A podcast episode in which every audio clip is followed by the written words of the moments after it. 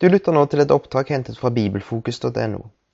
Du kan kopiere det fritt i uforandret form til egen bruk eller til venner, men publisering på internett eller annen form for massedistribusjon er ikke tillatt.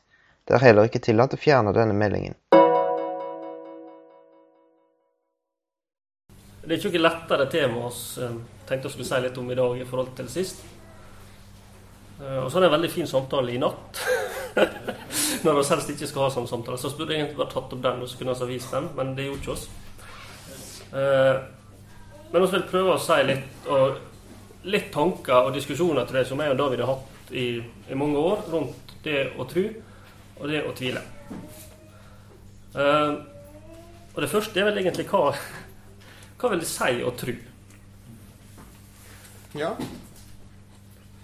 Tru Jeg, jeg syns for min del at eh, tru var Altså Det var et vagt begrep. på en måte Det var noe som du har hørt ifra du er liten, og så får du en sånn eh, Du får et visst innhold, men det, det er jo ikke noe du bruker til vanlig. Og de siste åra så er ordet tillit blitt eh, synonyme for meg. Det, og det sier meg mye mer. Det å stole på noen. Eller noe.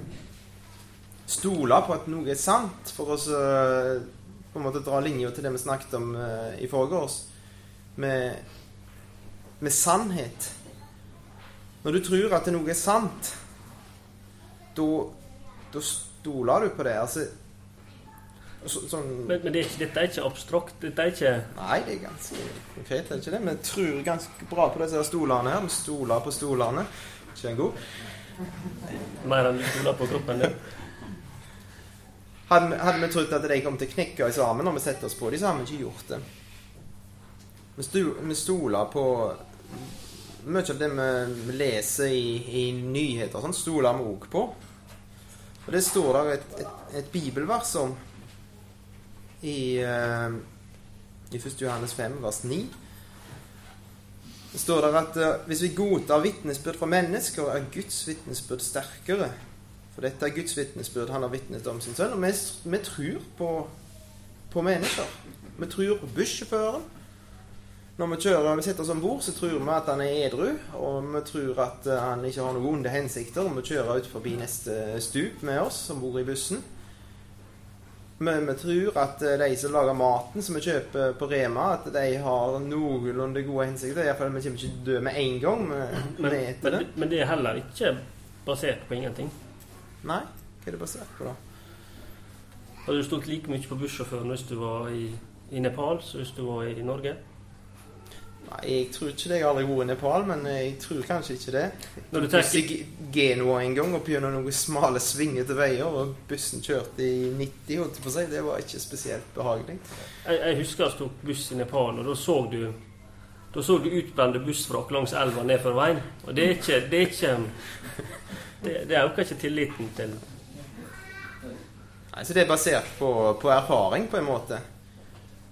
Eh, For noen år siden så, så sto det en artikkel i Aftenposten at eh, nordmenn var de mest naive i, i Europa, eller verden, jeg husker ikke. Det var jo en ganske negativ vinkling, egentlig. For det som sto, det var at vi stolte mest på hverandre og på, på eh, staten. Og det er egentlig ikke noe negativt. å si noe om at samfunnet vårt egentlig er et ganske godt samfunn. For hvis vi hadde funnet ut at vi ikke kunne stole på myndighetene, eller på, eh, på naboene eller på eh, de vi omgås med generelt, så hadde det blitt mindre tillit i samfunnet. Da hadde vi kommet ned på nivå med en del andre. F.eks. i Øst-Europa er det mye lavere tillit til hverandre og tillit til myndigheter. og Men det vi er helt enige om, det er at tru det er ikke, det er ikke blind tru. Det er ikke tru på noe som Altså det er basert på, på, på en del ting. Og, og sånn har det alltid vært. Og sånn var det også for f.eks. for disiplene. De så Veldig mange så det Jesus gjorde. Noen trodde det, basert på det de så. Og her hører det han sa. Men hvis vi tenker på tru og sånt, hva er det, hva er det oss tror på i forhold til kristendom? Hva er det, hva er det som ligger i når de sier at oss tror? Hva er det da oss tror? Vi tror jo i alle fall at det, det er en, en gud. En eh, At det er noe mer enn enn, eh, disse her naturkreftene og, og det universet som vi lever i. Det er, noe, en, det er en person som står over dette, har, har skapt det. Han har lagd det, og han har kontroll på det, og han har et mål med det. Og så tror vi at han ble en del av det. Så tror vi at Jesus ble født inn i dette her nå og levde og er en historisk og for så vidt etterprøvbar person som gikk rundt i Israel for et par tusen år siden. Det, for meg er det en veldig viktig del, blitt en viktigere del av, av, av, på en måte det jeg tror på. At jeg tror at det er en historisk Jesus som var Guds Messias. Og så tror vi også på et kors, død og oppstandelse.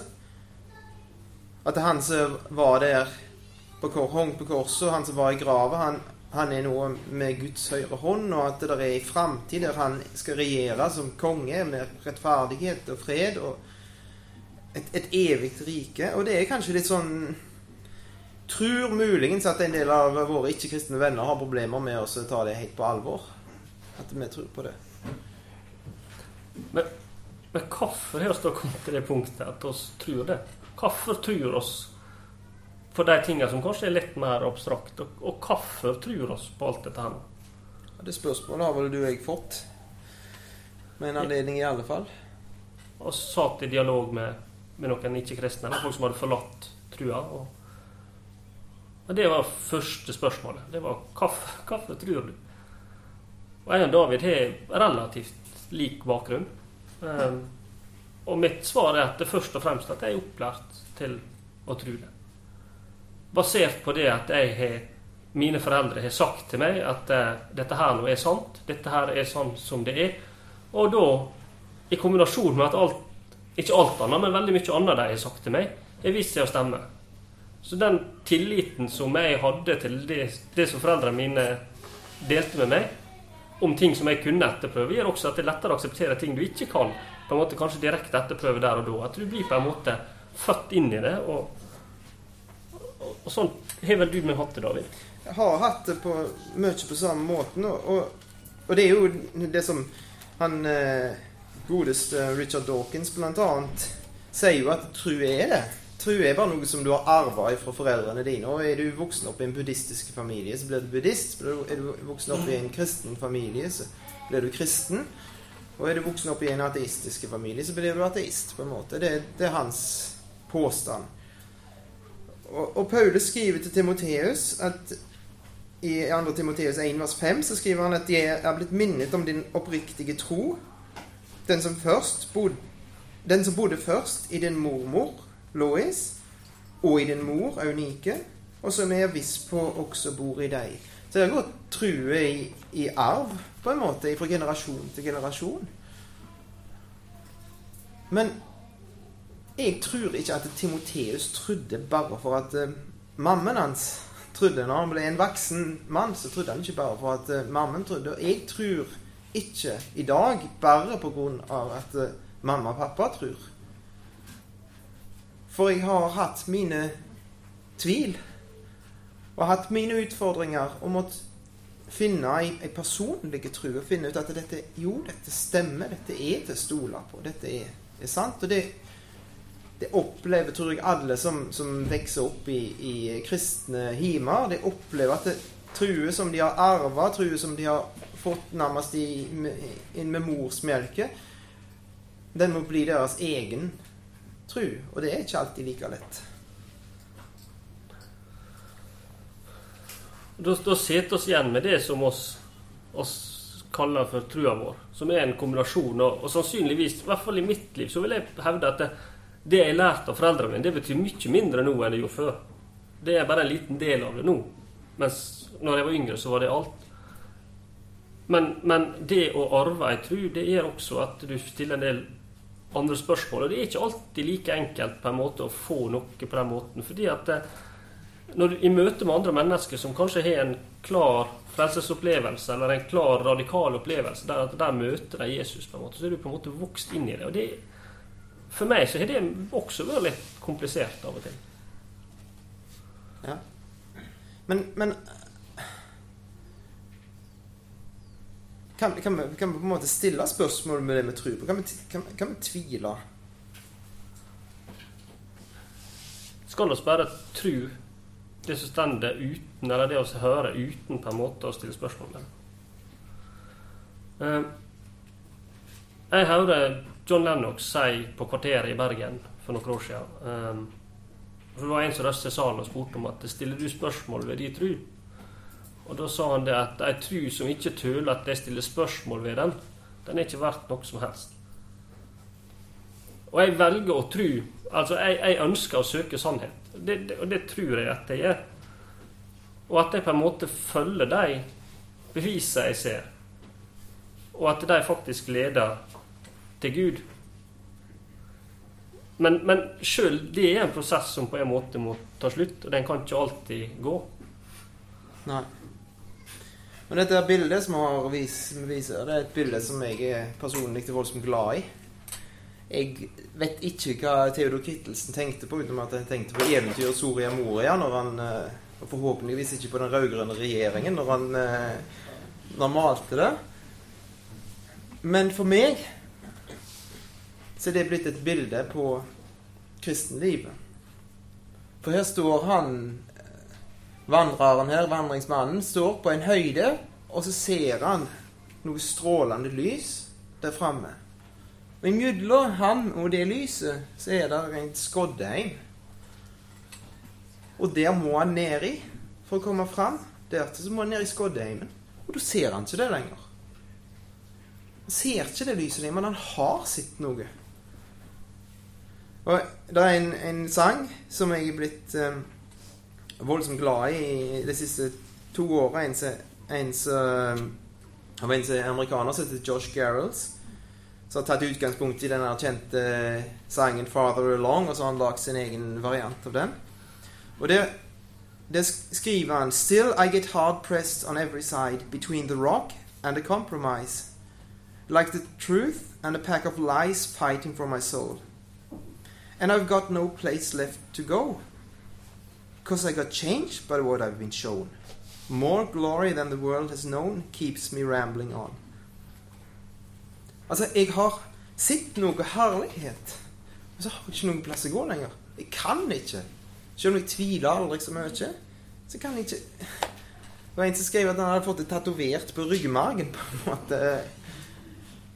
Og, og, og det er jo en referanse i den sangen, tror jeg, til, til som disiplene sier når Jesus spør hvor vil dere, vil dere gå. De andre forstår ikke hva jeg sier. De andre syns det, det er tull, det jeg sier. Og så går de. Vil dere gå? Og jeg tror ikke nødvendigvis at Peter og de andre forsto så mye mer av det Jesus sa. De syntes gjerne det var harde ord, de òg, i Johannes 6. Men så sier Peter, men hvor skal vi gå, da? Hvor skal vi gå hen? Men jeg tror, vi tror og vet at du er Guds sønn, og du har levende ord, på en måte. Og det, det har vi vel kjent, har vi ikke det? Og, og, jeg tror at Jeg kjenner meg sjøl best, men jeg kjenner også litt andre folk rundt. Men, men jeg tror at alle kristne opplever perioder der de tviler. I større og mindre grad. Og de opplever kanskje vantro. Og den kan være veldig negativ, og den kan svekke oss. Men den kan også føre til noe godt. Um, ja. ja. Men har dere tenkt på det at dere trodde ganske mye når dere reiste til Sygna? For dere, dere, har jo investert ei uke av ferien deres og noen tusenlapper. Utenom de som ble tatt med av foreldrene sine. Så har dere investert noen tusenlapper på varer her. Og det er for at dere trodde at det var noe å hente her. Og for meg så har det vært sånn de siste ti årene at det, den trua som gjorde at, den, at jeg kom her til, den er blitt styrka. Jeg har fått noe her som har styrka trua. Og sånn fungerer trua. At det er tru som faktisk blir forsøkt. Du tar sjansen. Du tror litt, du har sett litt, du har oppdaget litt om Jesus. Og så du, satser du på det. Og så blir du ikke skuffa. Du blir blir styrka. Men det er ikke sikkert at det skjer med en gang. Jeg er litt skodd hjem imellom. Og da er vi vel i, over egentlig på, på det som handler om tvil. Les fra Efeserbrev 3,17 først. Der står det at det må Kristus ved troen bo i deres hjerte. Det er et kjent vers, men, men det er noe i det. Hvis Kristus bor i hjertene våre ved tro, da er det ganske mye annet som kan gå bra. Og han trenger kanskje ikke alltid å tvile på på alt. Det er veldig vanskelig å si hva altså, det, det, er lett at alt henger sammen. Det er lett at alt blir Hvis du først tviler på noe, så tviler du plutselig på, på alt. Ja, og tvil er jo Jeg har, vet ikke hvordan dere har det. Kan, noen tviler sikkert mye, andre tviler lite. Jeg har vært mer plaget med tvil de siste årene enn jeg har vært tidligere i livet mitt, egentlig. Men så har jeg oppdaget at tvil kan være i sovepute. Men, men, den tvilen du snakker om da, det er ikke en sånn eksistensiell karakter, kanskje, som Nei, men det, det, det møter ting i Bibelen som er vanskelige. Altså, Vi kom inn på det med fortapelsen i, for to dager siden. Det med Hvis du leser Det gamle testamentet, så leser du om, om egentlig ganske grusomme ting som, som, Guds folk får beskjed om å gjøre med, med, med hedenske folk. Og, og det er ting som, som, hele, som har skapt en nagende tvil. Men så, så var jeg, eh, jeg var på en sånn, eh, en sånn Microsoft-konferanse i USA for uh, snart to år siden. Og da hørte jeg på hadde jeg legebil, og så jeg på, fant jeg en kristen nedradio som jeg hørte på når jeg var ute og kjørte. da, For jeg tok noen dager og kjørte litt rundt. Og, og Jeg husker ikke hva han taleren snakket om som jeg hørte på, men, men, det var noe som gikk opp for meg. At tvilen min var blitt ei, ei sovepute. Det var blitt en unnskyldning for oss ikke satse på Jesus. For ikke satse livet mitt. Og så kommer jeg på det at Ja, men jeg har jo sagt det, til han at livet mitt skal høre deg til. Jeg har jo tatt den avgjørelsen og satsa på det. Så på en måte så får det heller gå gale. på en måte. Det, det er feil. Det, er, mest, det, er, det sunt, tror jeg. Hvis vi lar tvilet bli sånn at jeg må vite alt om deg. Jeg må vite alt om deg, jeg må forstå alt om deg, Jesus. Jeg må forstå alt om deg, Gud, før jeg satser på deg. For um, Margitta og jeg, vi ganske tidlig i forholdet vårt, uh, mens vi var forlova, tror jeg det var, så ble vi enige om på et tidspunkt som ikke stille det grunnleggende spørsmålet lenger om forholdet vårt. Skal vi være sammen, eller skal vi ikke være sammen? Og i alle fall gjør du det når du gifter deg. Da er det et ikke-tema. Og det er en god ting å ha bestemt seg for å ikke stille det spørsmålet lenger. Og hvis vi hadde, hadde stilt det hele veien, så hadde det sannsynligvis Når vi vært gift i 15 år, er det ikke sikkert vi hadde vært gift i 15 år da. Hvis vi hadde stilt det spørsmålet hver gang det ble vanskelig, hver gang det ble tungt. Og, og, og hvis jeg Og det er det med å forstå Gud, og forstå Han helt ut Hvis dette jeg hadde, hadde krevd av, av uh, Namagitta at hun skulle ha 24 timer overvåkingsutstyr på seg Jeg skulle vite hvor hun befant seg til hver tid. Vite alt om henne. Alle tankene skulle helst ha kontakt ha tilgang til henne. Sånn at de kunne Da ville jeg stolt på henne. Da hadde det ikke vært tillit lenger. For tillit er faktisk å akseptere at det er noe som du ikke har kontroll over, og noe som du gjerne ikke forstår, noe du ikke kjenner til, men så velger du å stole på en person, og det er, er forholdet vårt til Gud. Og vi kommer aldri til å forstå Gud fullt ut. Det er alltid spørsmål, alltid gåter med Gud.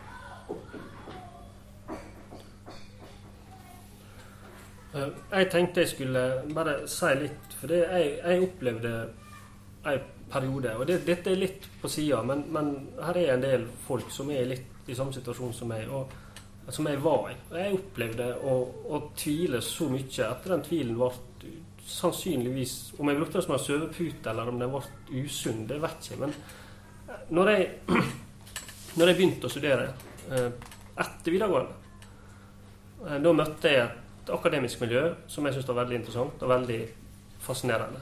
Eh, og begynte å dukke opp fakta som ikke stemte med det som jeg har lært på søndagsskolen og på bedehuset.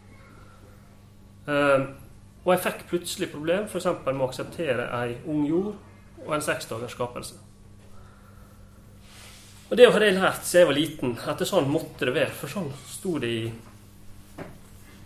i Bibelen. Og det måtte jeg forholde meg til.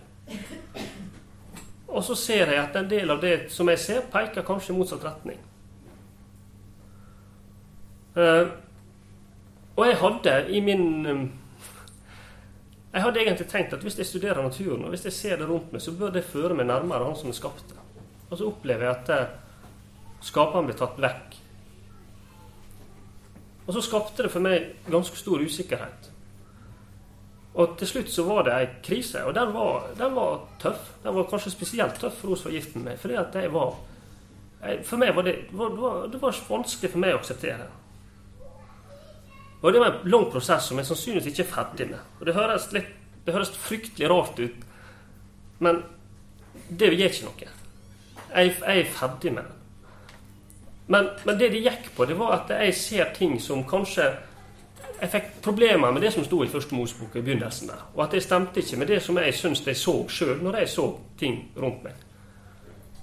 Og når du er da har lært opp til at her må du på en måte, hvis du skal være bibeltru, og hvis du skal tro på det som står der, så må du forholde deg bokstavelig til alt som står Og så har jeg også hørt i alle sammenhenger som jeg har vært, eller jeg skal ikke si alle, men veldig mange sammenhenger som jeg har vært, så jeg har hørt at eh, det vitenskapen gjør, de prøver å vekkforklare de beviser, for beviser peker egentlig på Gud, men så prøver de å vekkforklare det på alle mulige slags måter. Og det gjorde at jeg mistet tillit til de som hadde lært meg mye annet også. Fordi at jeg fikk ikke dette til å stemme. Men så var jeg privilegert, og så møtte jeg folk som trodde at universet var gammelt, og som trodde at jorda var gammelt. Jeg møtte folk som trodde på evolusjon, men fremdeles hadde trua på Gud og hadde tru på Bibelen som en autoritet. Og jeg har ikke behov for at dere skal være enige med meg. Eller noen skal være enige med meg. Jeg og David er sterkt uenige om dette. her nå. Men det spiller ikke noen rolle. For det at det der er en, et mangfold i dette her, og det er ikke det som er hjørnesteinen i trua mi.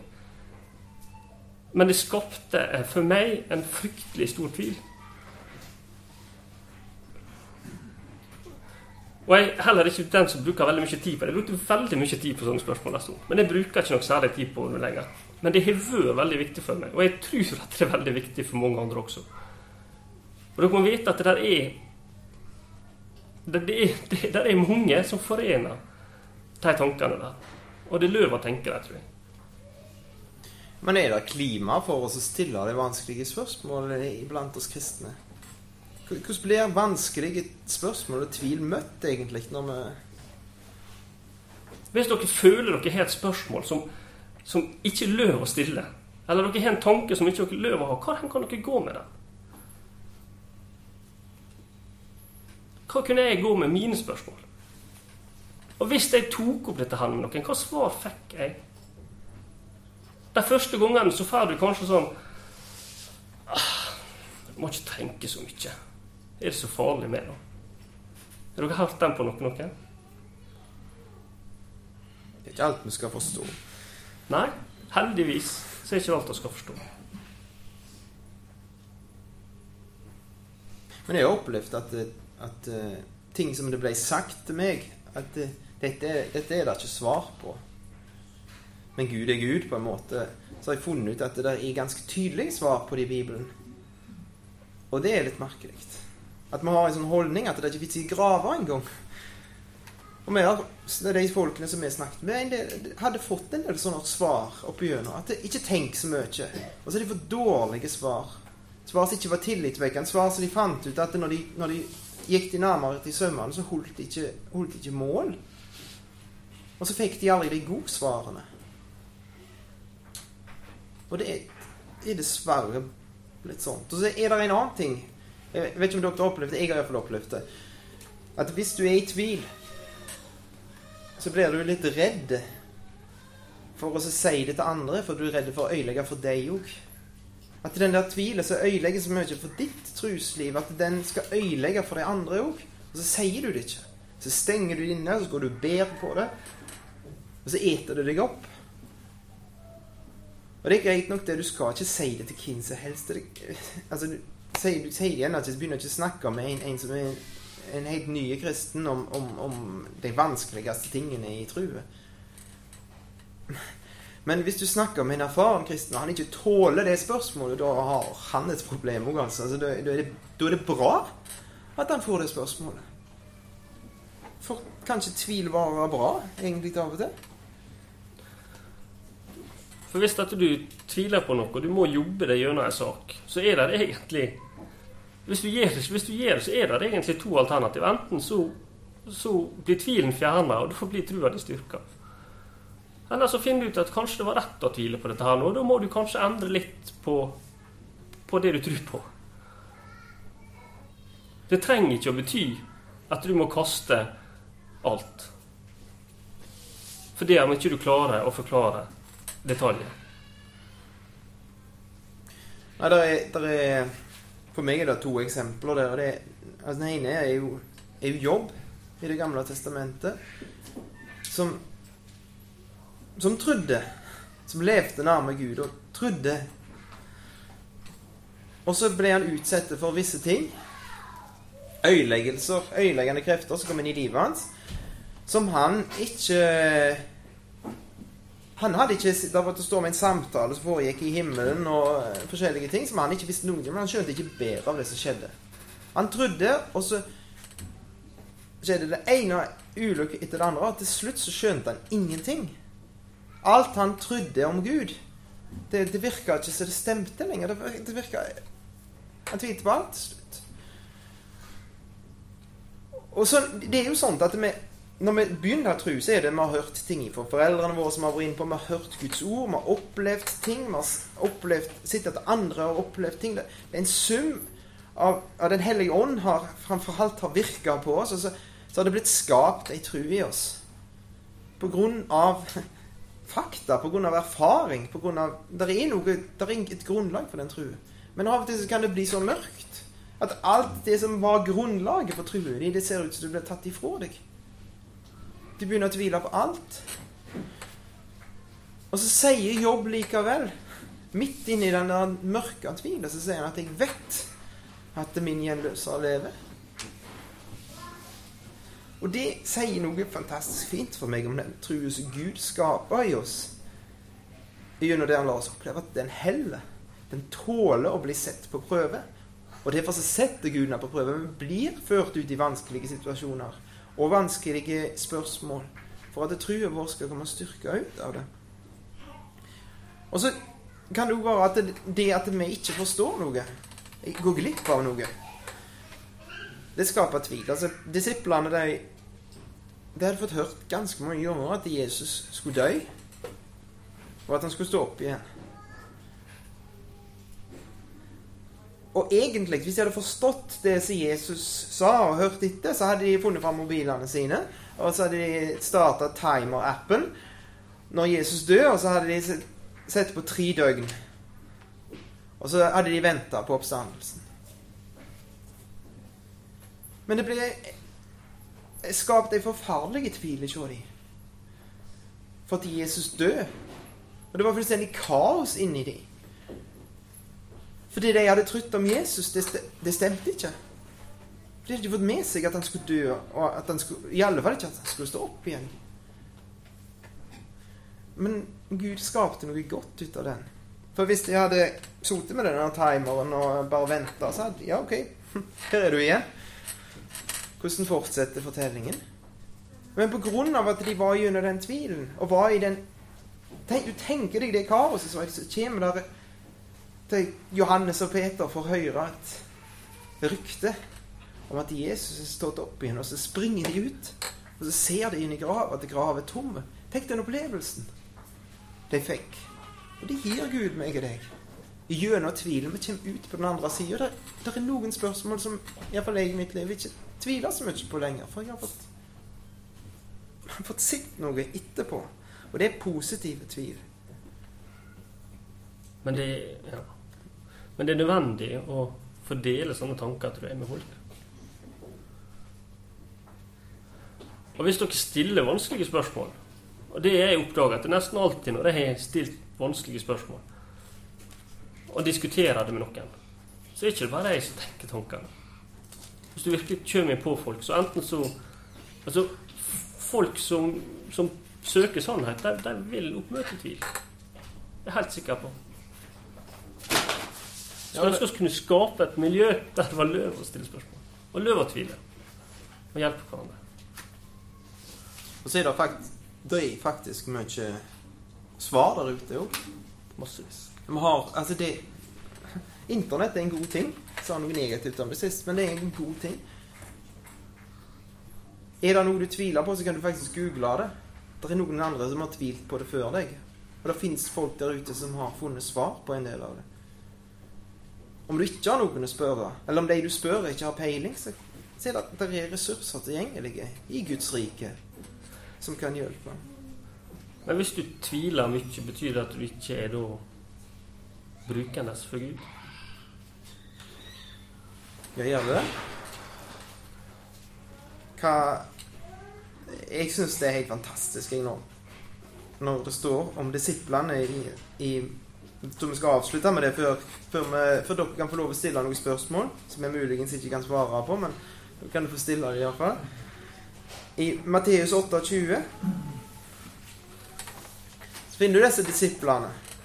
Jesus har bedt de reise til Galilea, på et fjell der. Og så står det i, i vers 17 i Matteus 28 Og da de fikk se ham, falt de ned og tilba ham. Men noen tvilte. Det var elleve disipler. Alle faller ned og tilber Jesus, og det gjør vi jo. sant? Vi går på møte med i tilbedelsen, og Men så er det en tvil i hjertet likevel. Er det, kan jeg satse 100% på dette? Er det helt sant? Er det, hva med det? Hva med det? Og så sier han til deg, han som kjenner de hjertene der, han som vet at noen av de tvilte, han sier til dem at meg er gitt all makt i himmelen og på jord. Gå derfor ut og gjør alle folkeslag til disipler. I det dere døper dem til Faderens og Sønnens og Den hellige ånds navn, og lærer dem å holde alt det jeg har befalt dere. Og se, jeg er med dere alle dager inntil verdens ende. Så når Gud vil frelse verden, så sender han først til Jesus for å dø og for å gjøre frelsesverket. Og så fer han opp til himmelen, og så har han en velger han seg ut elleve representanter som skal ut og så starte dette her. Og føre dette her videre og sørge for at de ikke dør ut, men at det når ut til hele verden. Og noen av de tvilte. Og de hadde sett henne henge på korset på Golgata. Og de hadde møtt henne på rommet etterpå. Og de hadde sett naglemerket hans, og de hadde sett såret i sida hans. Og de hadde gått la med henne i en måneds tid. Og fremdeles så tvilte det. Så da kan vi be Gud den bønnen 'Jeg tror, hjelp min vantro'. Så får vi hjelp. Med tid og stunder. Når vi ser det der lyset igjen.